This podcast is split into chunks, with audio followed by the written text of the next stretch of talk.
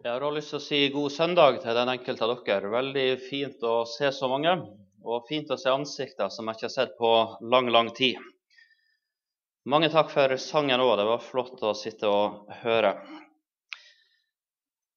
Vi skal be før vi leser Guds ord sammen. Gode Gud, vi har lyst til å takke for det som du har møtt oss med. Takk for at du er en Gud som leter etter syndere. Takk for at du er en Gud som frelser av nåde. Og takk for at du sier det, at det er en himmel som gleder seg og jubler i møte med hver synder som vender om. Jeg har lyst til å takke deg, Gud, fordi at du er en Gud som eh, er på leiting etter den enkelte av oss. Og så eh, ønsker du å få bære oss på de skulder imot eh, heimen og heimlandet. Nå har vi lyst til å be for det ordet vi skal dele nå. Vi har lyst til å be om velsignelse. Amen. I dag skal vi lese fra Matteus evangelium, kapittel 13, og et enkelt vers sammen. Matteus kapittel 13, og vi skal lese vers 33 i lag.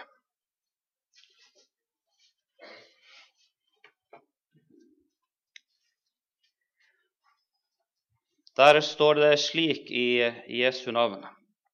En annen lignelse fortalte han dem.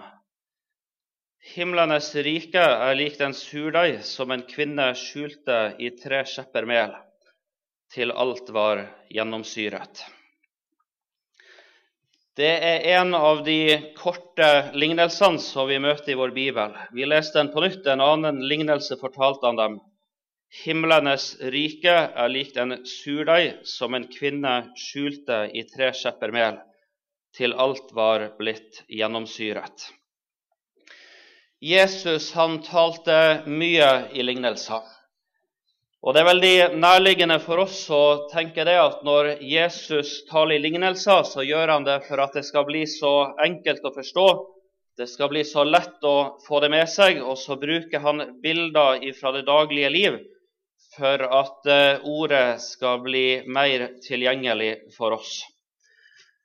Når vi leser om hva Jesus sjøl sier om hvorfor han bruker lignelser, hvorfor han taler i lignelser, så er det noe annet han legger trykket på. Og Jeg har bare lyst til å lese helt kort nå ifra, Markus kapittel 4.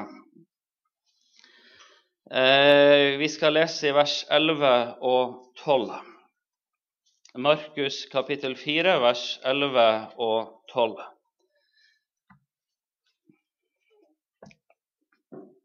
Da han var blitt alene, kom de tolv og de andre som var med ham, og spurte ham om lignelsene. Han sa til dem, til dere blir Guds rikes hemmelighet gitt.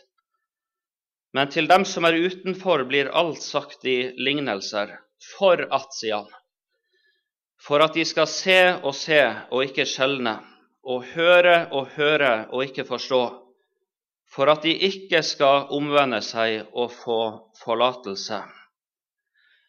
Jeg kjenner i eget liv at jeg kan rystes i møte med det som Jesus sier om sin bruk av lignelser. Han sier at han skal tale i lignelser for at de skal se og se og ikke skjelne, høre og høre og ikke forstå, for at de ikke skal omvende seg og få forlatelse. Det sier meg noe om at det er mulig å høre og høre. Det er mulig å sitte med Guds ord dag etter dag uten at det får føre en til omvendelse og til forlatelse for all synd. Det sier Jesus. Derfor taler han i lignelse, for at de ikke skal omvende seg og få forlatelse. Det er underlig, og det kan vi kjenne på en trang til å protestere imot. Hvorfor i all verden skal det være slik, Jesus? Samtidig så sier Jesus det sånn, og så står det slik. Og så eh, er det sånn, enten jeg liker det eller ikke, enten jeg vil det eller ikke.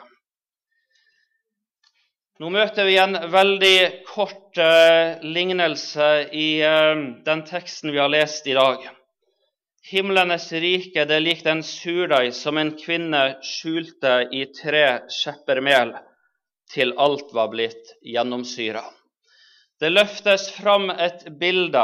Tre skjepper mel. Det er det samme som tre mål med mel. Eller en efa, som du møter uttrykt mange, mange flere plasser i Bibelen. Det er et bilde som ikke tar oss med inn i en eh, jødisk heim på kjøkkenbenken der ei mor står og baker sitt brød. Én eh, efa, eller tre skjepper mel, eller tre mål mel, det var ca. 36 liter. Det var ingen jødisk kvinne som en gang hun hørte et sånt uttrykk nevnt, automatisk kobla tilbake til sin egen kjøkkenbenk der hun sto og bakte med, en, med, med et slikt mål. Men efaen det er et uttrykk som vi møter igjen og igjen i gudstjenestelivet i Det gamle testamentet. Det tar oss tilbake til Det gamle testamentets gudstjenesteliv, og mer enn noe annet i forbindelse med matofferet, grødeofferet eller takkofferet.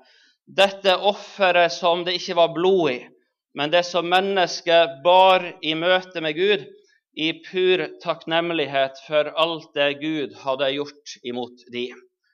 Matofferet det møter du i forbindelse med tilbedelsen og takken og det som mennesket ønsker å gi til Gud. Første gang du møter Efan nevnt i Bibelen, eller disse tre mål, det er når Abraham har besøk hjemme i tunet.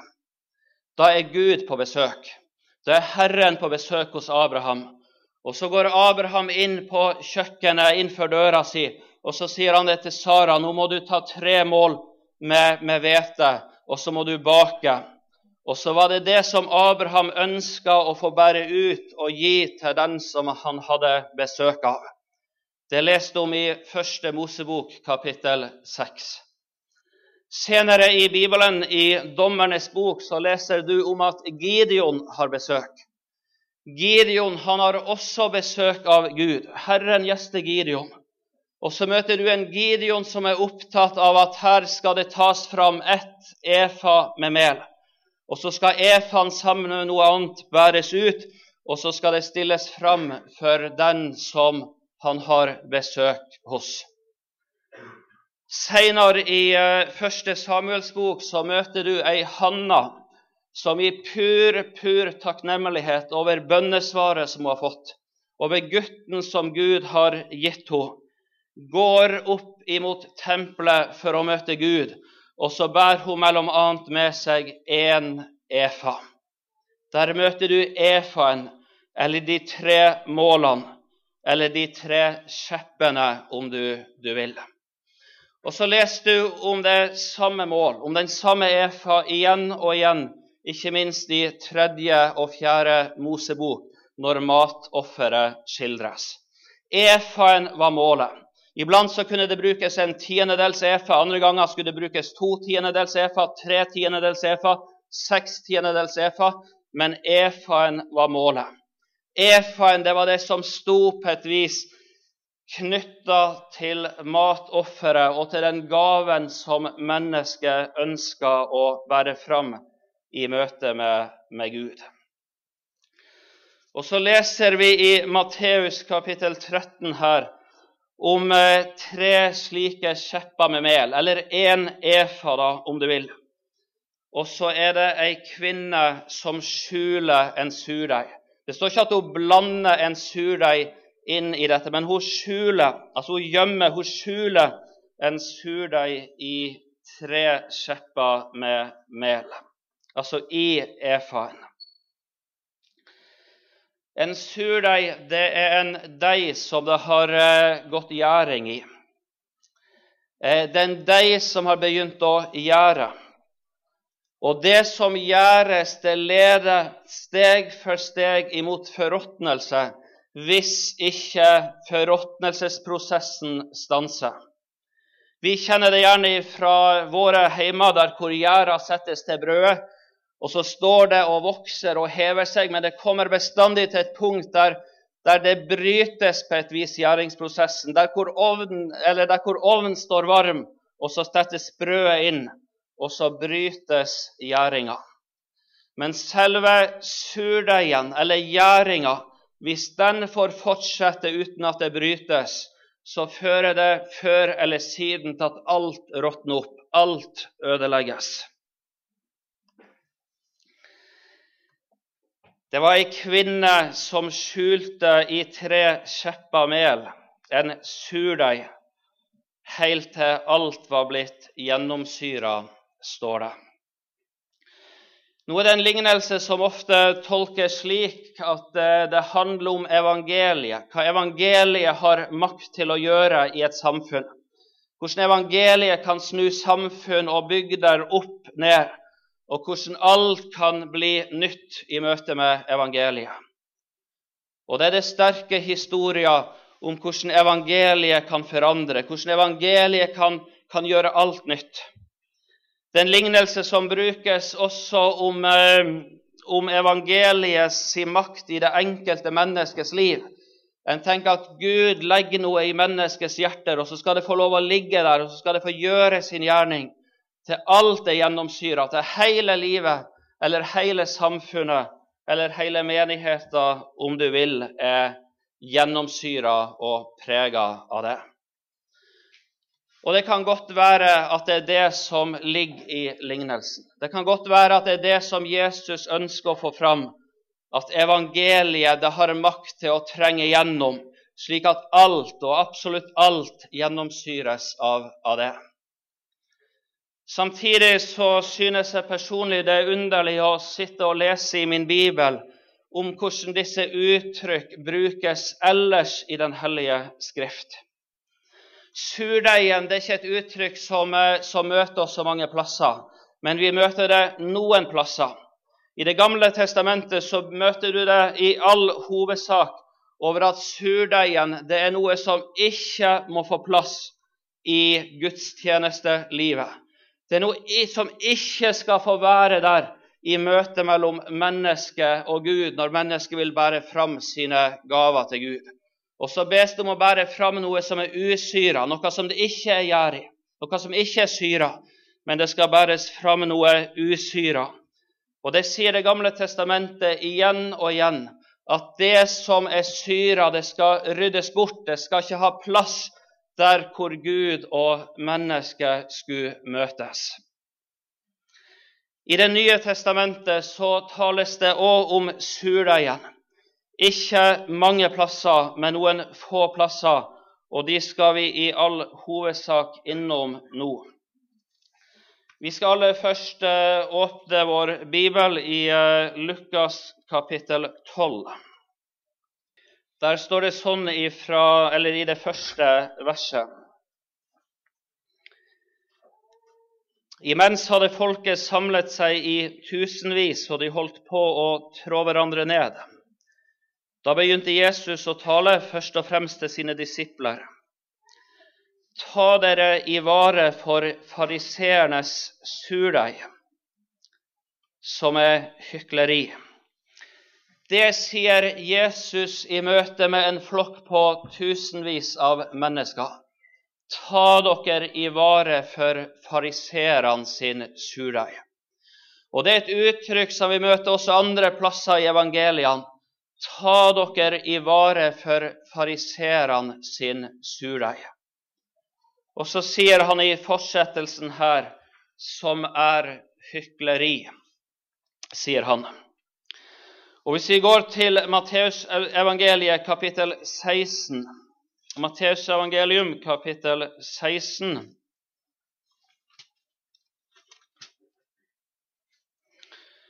skal vi ta med oss vers 6 og vers 12. Der står det sånn Jesus sa til dem Se til å ta dere i vare for fariseernes og sadukeernes surdeig. Og så står det i vers 12 da forsto de at han ikke hadde ment at de skulle ta seg i vare for surdeigen i brød, men for fariseernes og sadukeernes lære. Altså, Da aner de det at det ikke, det er ikke brødet han snakker om, men det er fariserene og det er sadukerene si lære du skulle ta deg i vare for. Sadukerene de fornekta jo sentrale sannheter i uh, vårt evangelium. De trodde ikke på noen oppstandelse. De fornekta en legemlig oppstandelse. De fornekta håpet som vi som troende bærer med oss, at det skal være en oppstandelse også for den enkelte av oss. De fornekta oppstandelsen. Fariserene er ei gruppe som det tales mye om. De hadde sin lære. De lærte gjennom sine påbud, sine forskrifter. Og de lærte også gjennom det vitnesbyrd som deres liv på et vis bar med seg. Jeg har bare lyst til å peke helt kort på tre korte ting som sies om fariserene. Tre ting om fariseerne. fariserene.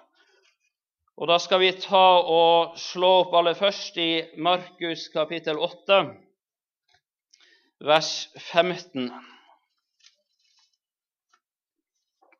Det var feil. Beklager. Vi prøver oss på Matteus kapittel 23, og så leser vi vers 14. Ja, Det var Markus 12 jeg leita etter, men uh, Matteus 23, 14, så møter du det samme uttrykt. Der sier Jesus ved dere skriftlærere og farisere, dere hyklere, som eter opp enkers hus og for et syns skyld holder lange bønner. Det uttrykket hadde jeg bare lyst til å stoppe helt kort for. For syns skyld. Dere gjør det for syns skyld, sier Jesus. Dere gjør det for at andre skal legge merke til det, sier Jesus. Dere gjør det for syns skyld. Dere ber lange bønner for syns skyld, for at andre skal se det, for at andre skal få det med seg. Det sier Jesus inn i fariserene sitt liv. Mye av deres religiøse aktivitet, mye av det de styrte med, mye av det de ville vise fram, det gjør dere for syns skyld. Ikke av et ærlig, oppriktig hjerte i møte med en Gud, men for at andre skal bli begeistra, for at andre skal bli imponert. Dere gjør det for syns skyld. Finnes det spor av det i ditt liv? Finnes det spor av noe sånn i ditt eget liv? At mye av det du gjør, det du styrer med i den kristne forsamling sammen med andre kristne, det gjør du for at andre skal se det, for at andre skal legge merke til det. Jeg har iblant fortalt om en, eh, om en pastor i Sør-Amerika. Jeg hørte den historien for mange mange år siden og ble grepet av den sjøl. En pastor som kommer hjem ifra reise. Og så møter han på fortauet ved inngangen til huset sitt så møter han ei kone som står sammen med barna, og koffertene som er ferdig pakka. Og han lurer på hvor i all verden er det hun har tenkt seg. Og så sier kona stille det at jeg skal, jeg skal flytte i kirka. Eller jeg skal flytte, sier hun. Hvor skal du flytte, sier pastoren. Jeg skal flytte i kirka. Og Så rister han på hodet og så lurer på, han på hva, hva, i all verden hun, tenker på. De bodde godt, de bodde greit.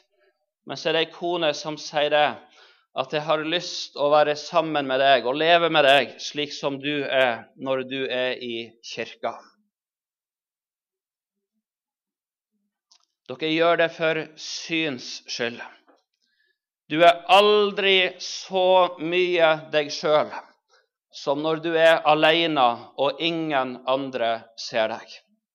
Du er aldri så mye deg sjøl som akkurat da, når ingen kan legge merke til deg. Da er du du. Og så er det en Jesus som sier om fariserene de gjør det for syns skyld. Den andre tingen angående fariserene som jeg kort hadde lyst til å peke på, det er det som uh, står i Matteus uh, 23, det er det samme kapitlet.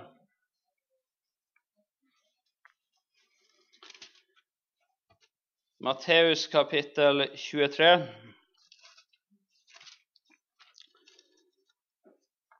Og det fjerde verset. De binder sammen tunge byrder og lesser dem på menneskenes skuldre, men selv vil de ikke røre dem med en finger. Det sier Jesus om fariseerne, om fariseerne sin lære. De legger tunge, tunge byrder på menneskers skuldre. De gir tungt å bære. Og så var det påbud etter påbud, menneskelige forskrifter, menneskelige tanker, som ofte ikke hadde rot i Bibelen i det hele tatt, men menneskelige ting som ble lagt på menneskers skuldre, og som ble til ei tung og vond bør for mange å bære. De legger tunge byrder og lesser mennesket ned med de, sier Jesus. Og selv vil de ikke røre byrdene med en finger. Ja, Det kan være at selv vil de ikke leve etter det. Selv vil de leve på et vis på utsida som de sjøl vil. Men kanskje enda mer, de gjør ingenting. De løfter ingen finger. Eller de er ikke opptatt i det hele tatt av å lesse byrder fra menneskers liv. Ikke opptatt av å lede mennesker til hvile, ikke opptatt av at mennesker skal få bli fri for sin byrde. Men det er å lesse på og lesse på og lesse på. Og Jeg bodde i en kontekst og en sammenheng der hvor søndagsmøtet det var rett og slett å komme for å få lista over hva du nå skulle styre med og stelle med og oppfylle i møte med den uka som kom.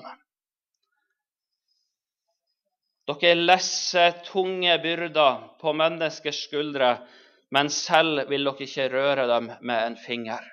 Jesus han ønsker å lette byrden. Jesus han sier, 'Kom til meg'. Jesus han roper det ut til den som har tungt å bære.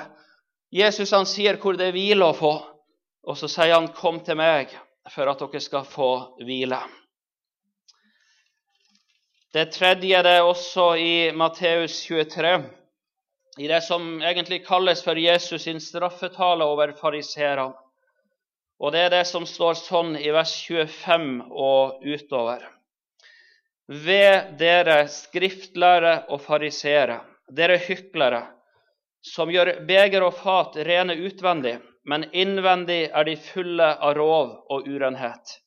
Du blinde fariseer, rens først begeret og fatet innvendig, så at også det utvendige blir rent. Ved dere skriftlære og fariseere, dere hyklere, som ligner kalkede graver, som utvendig er vakre å se til, men innvendig er fulle av dødningeben og all slags urenhet.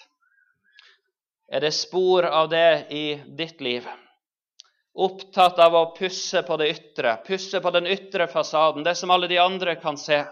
Men på innsida så er det fullt av all slags urenhet.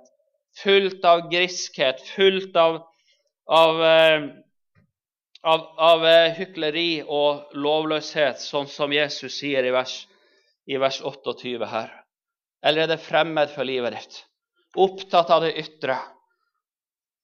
Og så er det på innsida en verden av ond lyst og av syndig begjær og av all slags urenhet.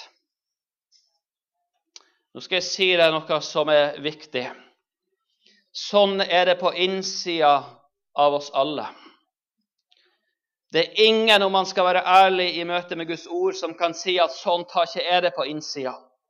Bibelen sier at sånn er livet, sånn er innsida på hver eneste en av oss som sitter her. Det er så mange som går og tenker at det er den eneste som sliter med sånne lyster, den eneste som kjenner på sånne begjær, på en sånn trang til det og det og det i livet. Bibelen sier at sånn er vi alle. Og det var ikke det som var den store nøden i fariseerne sitt liv, at livet deres på innsida så sånn ut. Det var ikke det som var nøden, for sånn er det. Og det legger ikke Gud skjul på. Og det venter ikke Gud skulle være så annerledes. Nøden deres, det var at renselsen ble bare noe som fikk nå det ytre i livet deres. De fikk aldri komme med sitt hjerte som var så råttent og syndig og ureint, i møte med Han som ikke kan bare lege det ytre, men også som kan lege og rense det aller, aller innerste.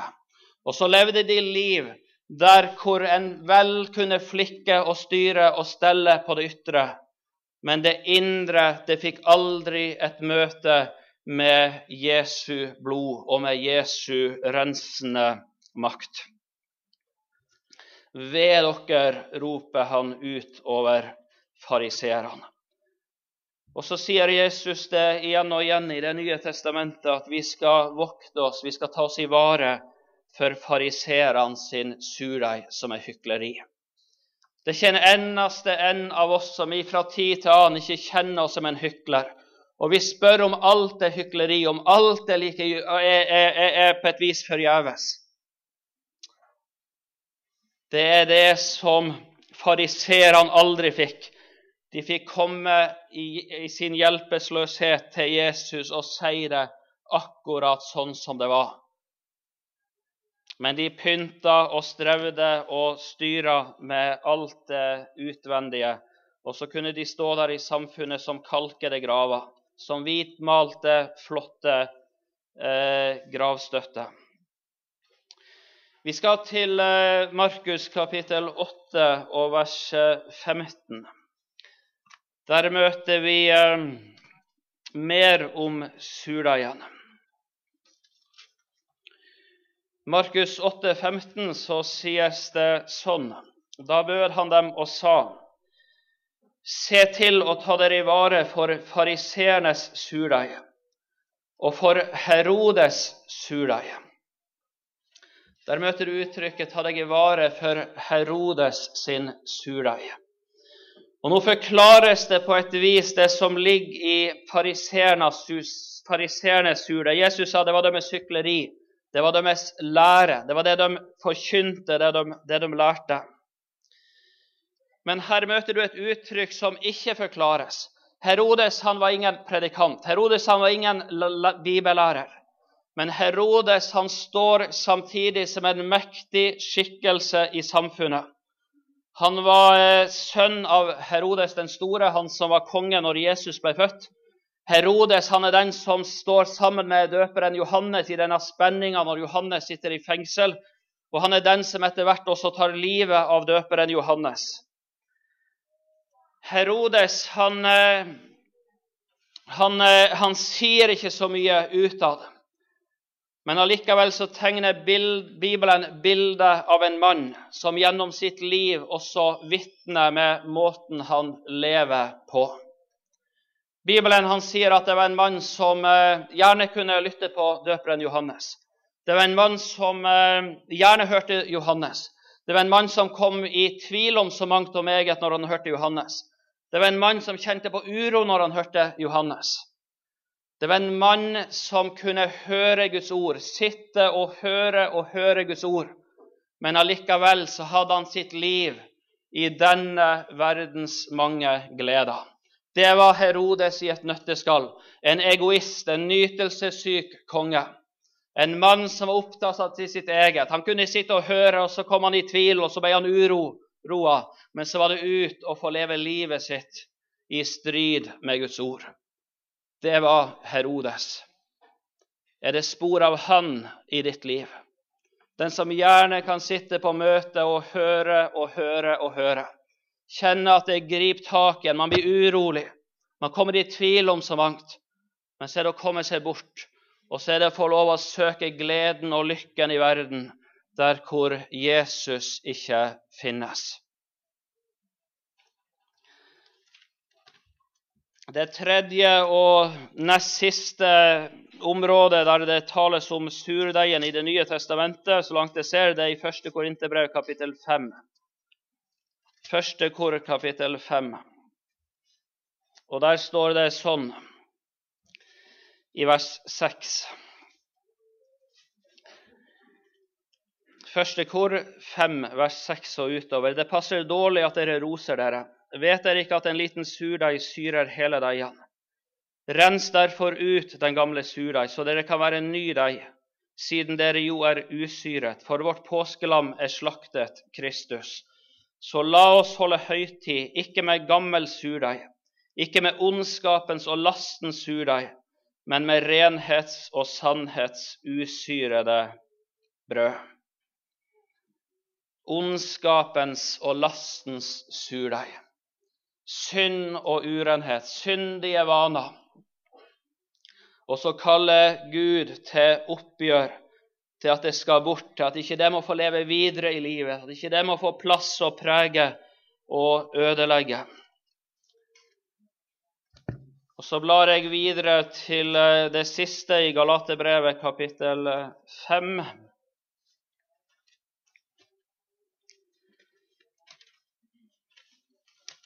Galaterbrevet, kapittel 5. Eh,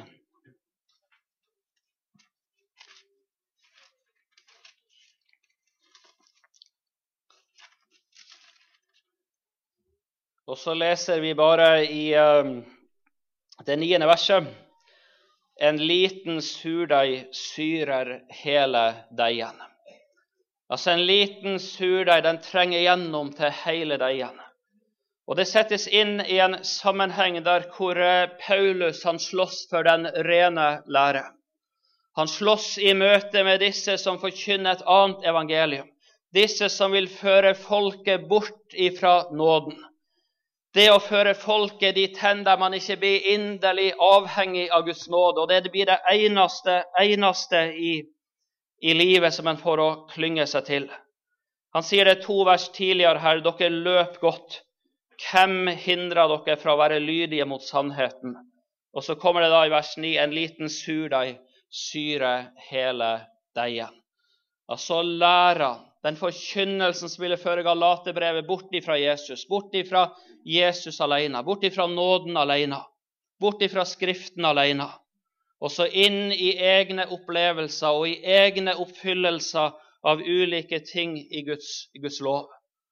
Og så er Paulus inderlig redd for dem og opptatt av dem, at det ikke må bli forgjeves, det som de har fått møte i evangeliet. Sånn brukes surdeigen som et bilde i Det nye testamentet. Og så er vi i en lignelse der hvor Jesus sier det var ei kvinne som skjulte en liten surdeig i tre skjepper med mel, eller i et efa, helt til alt var gjennomsyra. Til alt var gjennomtrengt på et vis av det her. Nå har jeg lyst til å ta deg med igjen inn i uh, et kapittel i Det gamle testamentet. Det står hos profeten Sakarias. Og så er det Sakarias som får se en engel som taler med han. Og så sier engelen inn i Sakarias sitt liv. Jeg er i kapittel 5 og vers 5. Løft dine øyne og se hva det er, dette som kommer fram der. Jeg spurte, hva er det? Altså Engelen han viser Sakarias noe som kommer, noe som flyr. Og så spør han hva er det som kommer der. Og så ser Sakarias det, og så, og så sier han hva, hva er det for noe? Og så svarer budbæreren det er en efa som kommer fram der. Og han sa slik skal det se ut med dem i hele landet. Altså sånn skal det bli.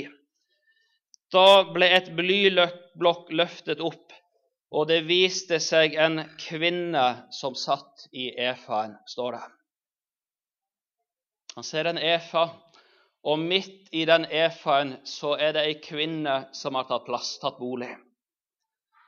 Og han sa, og så forklares det på et vis det synet som Sakarias får, han sa dette er ugudeligheten. Så støtta han henne ned i efaen og slo bly, blylokket til over åpningen. Og så står det i slutten om hvordan de skal finne et bosted for denne kvinna som satt i efaen. Denne kvinna midt i efaen som kalles for ugudeligheten. På leiting etter bolig. På leiting etter en plass å slå seg ned.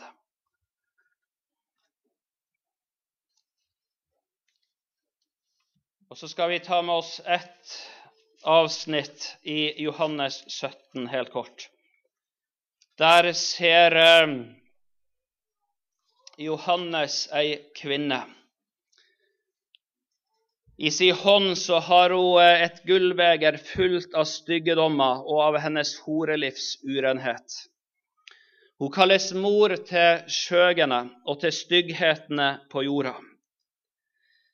Hun bæres av et dyr, Og dyret møter vi tidligere i åpenbaringsboka, i kapittel 13, som antikrist sjøl.